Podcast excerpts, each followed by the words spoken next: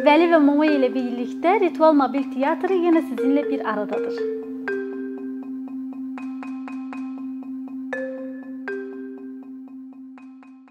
Bu günləri biz sizə kuklaların tarixindən, kuklaların əhəmiyyətindən və teatrda istifadə olunan kostyumlardan bəhs edəcəyik. Bunlar uşaqlarla işləmə e, sahəsində nə qədər əhəmiyyətlidir, bu mövzuya toxunacağıq. Kuklaların tarixinə gəldikdə ilk növbədə kukla sözünün mənasına baxaq. Qədim Yunancadan bu e, dol, e, yəni ingilis dilində də bilirik ki, dol mənasında gələn kukla anlamını verir, gəlincik anlamını verir. E, Yaponiyada isə Yapon dilində bu kugutu mənasına gəlir və kuklalar insan bəşəriyyətinin tarixi kimi qədim bir tarixə malikdirlər. Lap e, qədimlərə getdikdə, hələ dinlərin mövcud olmadığı bir vaxtda insanlar inanırdılar ki, təbiətin böyük bir gücü var və təbiət onları yaratdıqda onunla insanla təbiət arasında bir e, canlı bir bağ yaranır, emosional bir bağ qurulur və insanlar bütün təbiətdə mövcud olan canlıları simvollaşdırırdılar. Bunu biz kostyumlarda görə bilərik. Hal-hazırda məsələn Afrikanın bəzi qəbilələrində samanlardan, otlardan hazırlanmış kostyumlar var ki, müəyyən rituallarda istifadə olunur və biz bunu kostyumlarda, maskalarda görə bilərik. Həmçinin kuklalardan da istifadə olunub. Amerikaya getsək, orada voodoo, voodoo deyilən bir e, sənət növü var. Sənət deməzdik buna, ənənə bir ritualdır. Bu voodoo nədir? Voodoo samandan və yaxud köhnə parçalardan hazırlanmış bir e, kukladır və bu kukla müəyyən bir insanı timsal e, təmsil eləyir. Və əgər insanlar bir həmin insana bir sehr, bir cadu eləmək istədikdə iynələr vasitəsilə həmin kukladan istifadə edirdilər. O real insanın bədəni, bədənini e, canlandıraraq. Kuklalar növlərinə görə çox müxtəlif olurlar və biz baxsaq ki, əgər kuklalar düzgün materiallardan, düzgün formada hazırlanırlarsa, bu uşaqlarla iş istiqamətində böyük bir əhəmiyyətə malik olurlar. Yəni düzgün hazırlanan kuklalar uşaqları yaxşı bir e, dəyərlərə, gətirə bilər. Uşaqlara yaxşı bir təhsil verə bilər. Uşaqlara yaxşı bir mövzunu aşılaya bilər. Və mənim qarşımda gördüyünüz kimi müxtəlif kukla növləri var. Biz bu kukla növlərinə toxunacağıq. Bu e, düz Azərbaycanda e, psixoterapevtlər, e, psixoloqlar öz iş istiqamətlərində, müəllimlər öz işlərində, pedaqoji işlərində kuklalardan istifadə edirlər. Və mənim bugünkü mövzum valideynlər üçün idi. Valideynlər rahat üsulda uşaqların evdə məşğuliyyətini artırmaq üçün, uşaqlarla məşğul olmaq üçün hansı növ kuklalardan mənbələrdən istifadə edə bilərlər, hansı mənbələrdən faydalana bilərlər, bunu açıqlayacağıq. Və e, kuklaları siz artıq Momo və Vəli ilə tanışsınız, corab kuklalar. Bu bizim ritual teatrın e, simvollarıdır. Məsələn, əgər biz rituallar tarixinə gedib baxsaq, e, kuklalar bəzən elə olur ki, onlar insanın real bədənini təmsil edirlər. Gördüyünüz bu gəlincik, bu kukla heç bir iynə istifadə olunmadan dolama iplərlə hazırlanmış təbii bir e, kukladır və bu kuklanın içərisində müxtəlif dənli bitkilərdən istifadə olunmaqla hazırlana bilən bir nümunədir. Bu kuklanın içərisində qarabaşaq e, vardı və bu kukla insanın özünü təmsil eləyir. Mənim ilk hazırladığım kuklalardan biridir və adətən bu kuklada belə bir e, biz bunu Ukraynada öyrənmişdik bu kuklanı və kuklanın e, mifoloji əhəmiyyəti budur ki, sən ilk dəfə bu kuklanı necə hazırlamağa başlayırsansa, o sənin özünü təmsil eləyir. Əgər sən kiçik boylu, orta boylu, e, dolğun bədənli bir insansa, sənin kuklan da bu cür yumru şəkildə alınacaqdır. Məsələn, görsənə bilər ki, mənə oxşayır. Əgər sən hündür, daha arıq bədənə, daha belə necə deyək, e, sərvi boylu bir insansansa, kuklaların görünüşü adətən uzun alınır. Yəni psixoloji bir əhəmiyyətə malikdir. E, nə qədər doğru olub olmadığını bilmirəm, amma biz təlim boyunda bu kuklaların həmin o deyilən e, sözü, ifadəni doğruladığını gördük. Bu bu cür iynə istifadə olunmadan hazırlanmış real bir kukla nümunəsidir.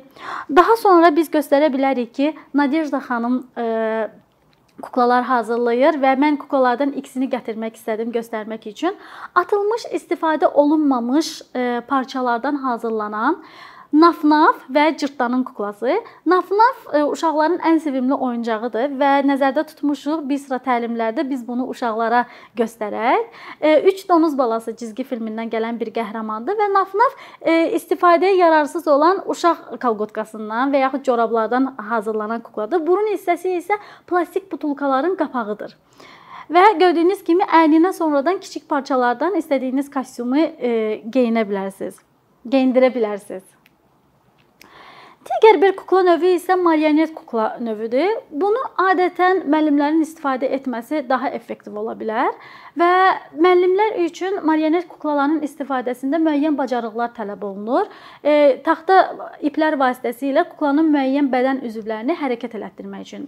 Və marionet kuklaların tarixi gedib çıxır 16-cı əsrə. 16-cı əsrdə artıq bu kuklalar istifadə olunmuş olmağa başlamışdı və 18-ci əsrə qədər bütün Avropada teatrlarda daha çox marionet kuklalardan e, marionet kuklalar tamaşalarda yer tuturdular. Və Əlcək kuklalar var. Məsələn, kuklaların bir sıra növlərini sadalasaq, qaşıq kuklalar, samandan hazırlanmış kuklalar, müəyyən ə, e, çərçivələri əhatə etməyən, ağlımıza gəlməyəcək materiallardan əldə olunan, hərəkət edən hər bir şey. Və kuklalar belə deyək, uşaqlar üçün hərəkət edə bilən, oynaya bilən, ifadə göstərə bilən hər bir şey oyuncaq, kukla anlayışına gəlib çıxır. Mənim əlimdəki bu kukla e, əlcək kukla mənasındadır. Düzdür, bu hazır formada tikilən kukladır, amma biz bunu baxıb sadə üsulda özümüzdə istifadə olmayan əlcəklərdən hazırlaya bilərik. İndi isə biraz da tarixə səyahət eləyək, nəzəriyyələr baxımından harda yaranıb, nə üçün istifadə olunublar, necə ə, e, ərsəyə gəlib. Biz iki nümunəyə toxunmağı e, üstün tutardıq. Birincisi İtaliyanın ilk həkim qadınlarından olan Maria Montessori, pedaqogika sahəsində işləyənlər bu işləyənlərə bu ad çox tanışdır. O deməli e, ilk dəfə 26 yaşında həkim işləməyə, həkim assistenti işləməyə başlayanda əqli məhdudiyyətli uşaqlarla tanış olur və görür ki, bu uşaqlar bir otağa qapadılıblar, heç kim onlarla maraqlanmır, uşaqların bütün günü qapalı şəkildə keçir. Və bir dəfə belə olur ki, yemək əsnasında o uşaqların quru çörək qabığı tapıb, onları əzdiyini, çörək qabığını əzdiyini və onunla oynamağa başladıqlarını görür. Bu Mariyaya çox belə təsir eləyir. Və Maria uşaqlar üçün artıq e, kiçik tapdığı hər bir şey, kiçik parçalar, e, rəngli kağızlar, bu cür əşyalar gətirməyə başlayır ki, bu uşaqların oyuncaqlarına çevrilir. Və sonradan o öz təcrübələrində qeyd eləyir ki, bu əslində əqli məhdudiyyətli uşaqlarla e, işləmə, oyuncaqlarla, kuklalarla işləmə vasitəsi təkcə tibbin yox, pedaqogikanın işidir. Yəni pedaqoji cəhətdən bu uşaqlarla işləyəndə mən bunun böyük bir əhəmiyyətini gördüm. Yəni onun gətirdiyi oyuncaq adlandırdığımız hər bir şey uşaqlara müsbət təsirdə e, effekt göstərir. Uşaqlara yaxşı təsir eləyir. Və bir nümunəni biz göstərə bilərik ki, bu teatr kostyumları, teatr ənənələri, kuklalar, yəni bu gün biz teatrın kuklalar hissəsindən danışırıq, kostyumlar hissəsindən danışırıq. Daha bir pedaqoqun işinə nəzər salaq. Bu İrəvanda doğulmuş Cabbar Baxçaban adlı bir pedaqoqdur. Sonradan Türkiyəyə, ondan sonra isə İrana gəlmiş və orada yaşamağa başlamışdı.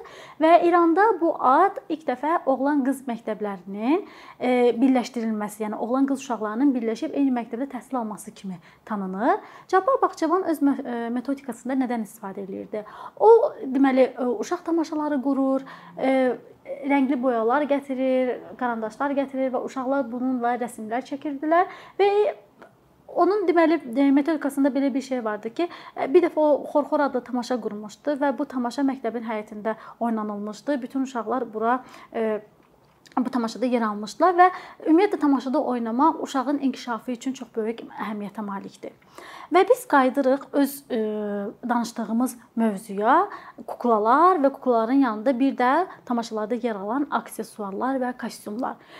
Kuklalar uşaqları, məsələn, bir şey də qeyd eləyək ki, əl kuklaları uşaqların əl əzələlərinin inkişafına çox böyük təsir göstərir. Nəzərə alaq ki, əgər 5 barmaq əlcəkdən düzəldilmiş bir kuklanı uşaq əlinə geyib hərəkət elətdirməyə başlayırsa, o artıq buna barmaq hərəkətləri kimi yox, əlində olan bir heyvanın ayaqlarının, əllərinin və başının hərəkəti kimi nəzər salır və bütün fikri, düşüncəsi cəmlənir heyvanı hərəkətə gətirmək kimi. Ayını hərəkətə gətirir. Ayıya bir söz verəcək, ayı danışacaq. Artıq uşağın təfəkkürü işə düşür. Uşaq öz təxəyyülünü ə, e, işə salaraq mövzu qoşmağa başlayır. Və bu zaman nə baş verir? Uşağın bədəni əzələləri ilə bir yerdə, uşağın nitqi də təxəyyülü nəticəsində açılmağa başlayır. Salam. Mən ağ ayıyam. Fikir verdiniz, əgər biz bunu əlcəksiz işlətsək, uşağın diqqəti heç də çox ələ köklənməz. O artıq burada barmaqları görəcək. Amma kuklanı geyindiyi zaman, əl kuklasını geyindiyi zaman artıq uşağın bütün fikri aynı hərəkətə gətirmək olacaq.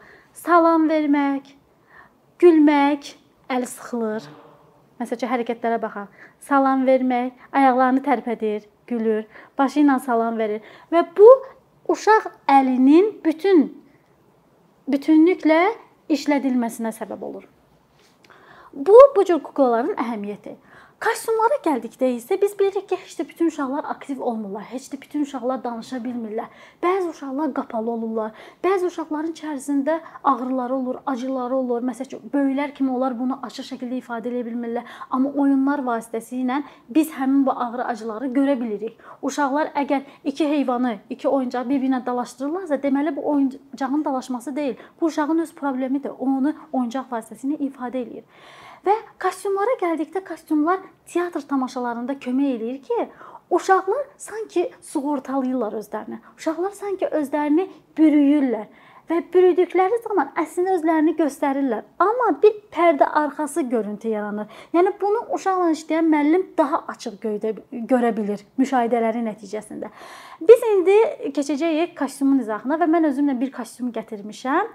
Bu cəngəllik kostyumudur. Sadə üsulda tikilmiş kostyumdur və daha yaxşı olar ki, müəllimlər e, uşaqlarla işlədikləri zaman, valideynlər uşaqları ilə işlədikləri zaman kostyumun tikilişinə uşaqları da cəlb eləsinlər. Artıq uşaq burada öz yaradıcılığını işə salır. Kostyuma giriş almamışdan əvvəl mən bir də istifadə oluna biləcək sadə musiqi alətlərinə toxunmaq istəyirəm. Məsəl üçün biz butulkaların içərisinə dənli bitkilər tökə bilərik və bu bitkiləri səsləndirdiyimiz zaman müxtəlif səslər e, çıxacaq. Bu səslər biz böyüklər deyirik, yığışdıranı başıma düşür. Amma bu uşaq üçün həmin səsin bir effekti olur. Uşağın öz çıxardığı səsin bir effekti olur. Gördüyünüz bu alət çox sadə hazırlana bilən alətdir. Ağac budağından bundan hamım belə dəcəl uşaqların ə, e, əvvəlki uşaqların indikilər bilmirəm, çox vaxt telefondadırlar. Əvvəlki uşaqlar bundan istifadə edirdilər quş vurmaq üçün, ə, e, şüşə sındırmaq üçün, raqatka mənasında. Amma bu təbii ki, zorakılığa meyl olan bir adətdir. Buna biz köçürdəndə transformasiya eləsək musiqi aləti üzərinə, ağac budağına nazik sim vasitəsilə ə, e, bağlanmış dəmir butulka qapaqlarıdır və musiqi səsi, yəni səs effekti əmələ gəlir. Digəri isə bu alətləri düzdür mən düzəltməmişəm, amma düzəldilməsi elə də çətin deyil. Adi qamış və yaxud taxta parçası ola bilər, iplər ola bilər və qurudulmuş hər hansı bir meyvənin qabıqları. Qozun qabığı ola bilər, mandarin qabığı quruda bilərik, nar quruda bilərik, balaca narlar və iplər vasitəsilə bunları bağladıqda səs effekti yaranır. Və digər bir alət isə məsəl üçün taxtanın içərisində bu peşəkar e, şəkildə hazırlanmış alətdir. Amma ki kley istifadə, yapışqan istifadə eləməklə taxta vasitəsi və düymələr e, düymələr və mıx deyək də, ucu qoparılmış mıx. Bu aləti hazırlayıb rəngləmək olar. Və təsəvvür edin ki, biz bu aləti 3 uşağa veririk və onlarla bir kompozisiya qururuq. Və bunun uşağa verəcəyi effektin misli bərabəri yoxdur. Artıq uşaqlar nə etdilər? Artıq uşaqlar öz xəyal dünyalarına girdilər. A, biz bir musiqi yaradırıq, biz bir kompozisiya qururuq. Bax, bütün yaradıcılıq bu cür sadə şeylərin üzərində uşaq inkişafına kömək eləyir, dəstək olur. İndi isə mən sizə öz üzərimdə sadə bir kostyumu göstərəcəyəm. E, qiyafəmi dəyişim gəlirəm. Hər cigonya mama gidi baba.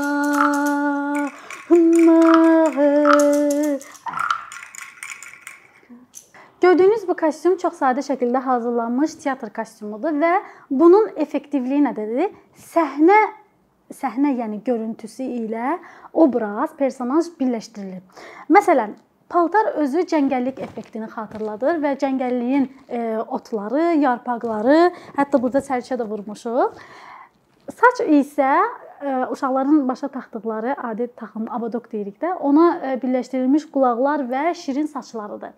Və tamaşadan adətən utancaq uşaqlar heç bir e, ümumiyyətlə təlimlərdə utancaq uşaqlar heç vaxt ünsiyyət qurmurlar, həmişə qapalı olurlar və belə kostyumlar kömək eləyir ki, onlara onlar obrazın içərisinə girsinlər. Məsələn, təsəvvür edin bir uşağın super qəhrəmanı var və həmin uşaq o super qəhrəmanın paltarını geyimində e, geyinən geyindikdə artıq özünü super qəhrəman kimi hiss eləyir və o belə deyək də fövqəladə bir gücə malik olduğunu sanır və artıq burada nə olur? Təxəyyül işə düşür, nitq e, istifadə iştirak etməyə başlayır.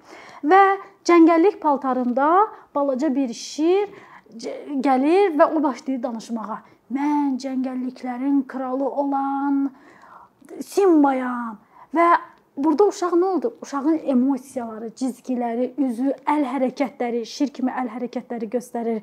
Biraz arxa fondan biz onlara bayaq göstərdiyim musiqi alətləri ilə musiqi effekti yaradırıq və bunun uşaqda buraxdığı təəssüratın təəssüratın misli bərabəri yoxdur. Həmçinin biz bura əlavə eləsək üzümdəki sadə qrimi ki, uşaq artıq da sonradan artıq sonradan özünə baxdıqda özünü şir obrazında görür.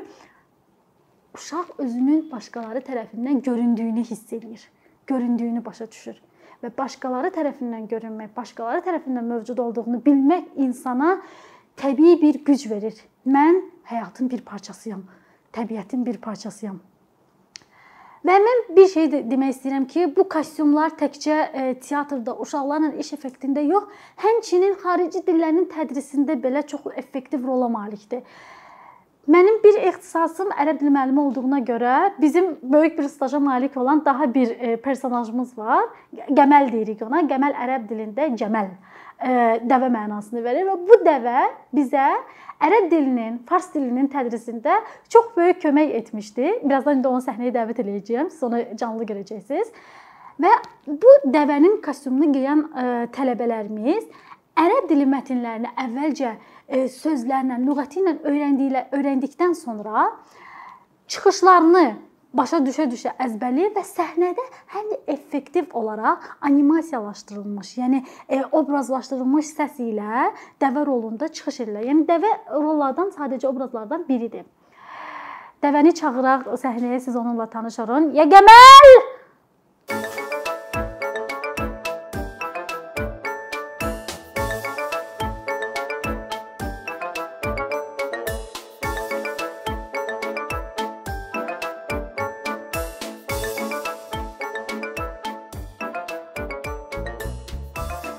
Və sonda qeyd etmək istəyirik ki, əziz valideynlər, uşaqlarla işləyən hər bir kəs, müəllimlər, psixoloqlar, video boyunca biz kostyumların, kuklaların uşaqlara verdiyi təsiri tam nümunələr əsasında görə bildik.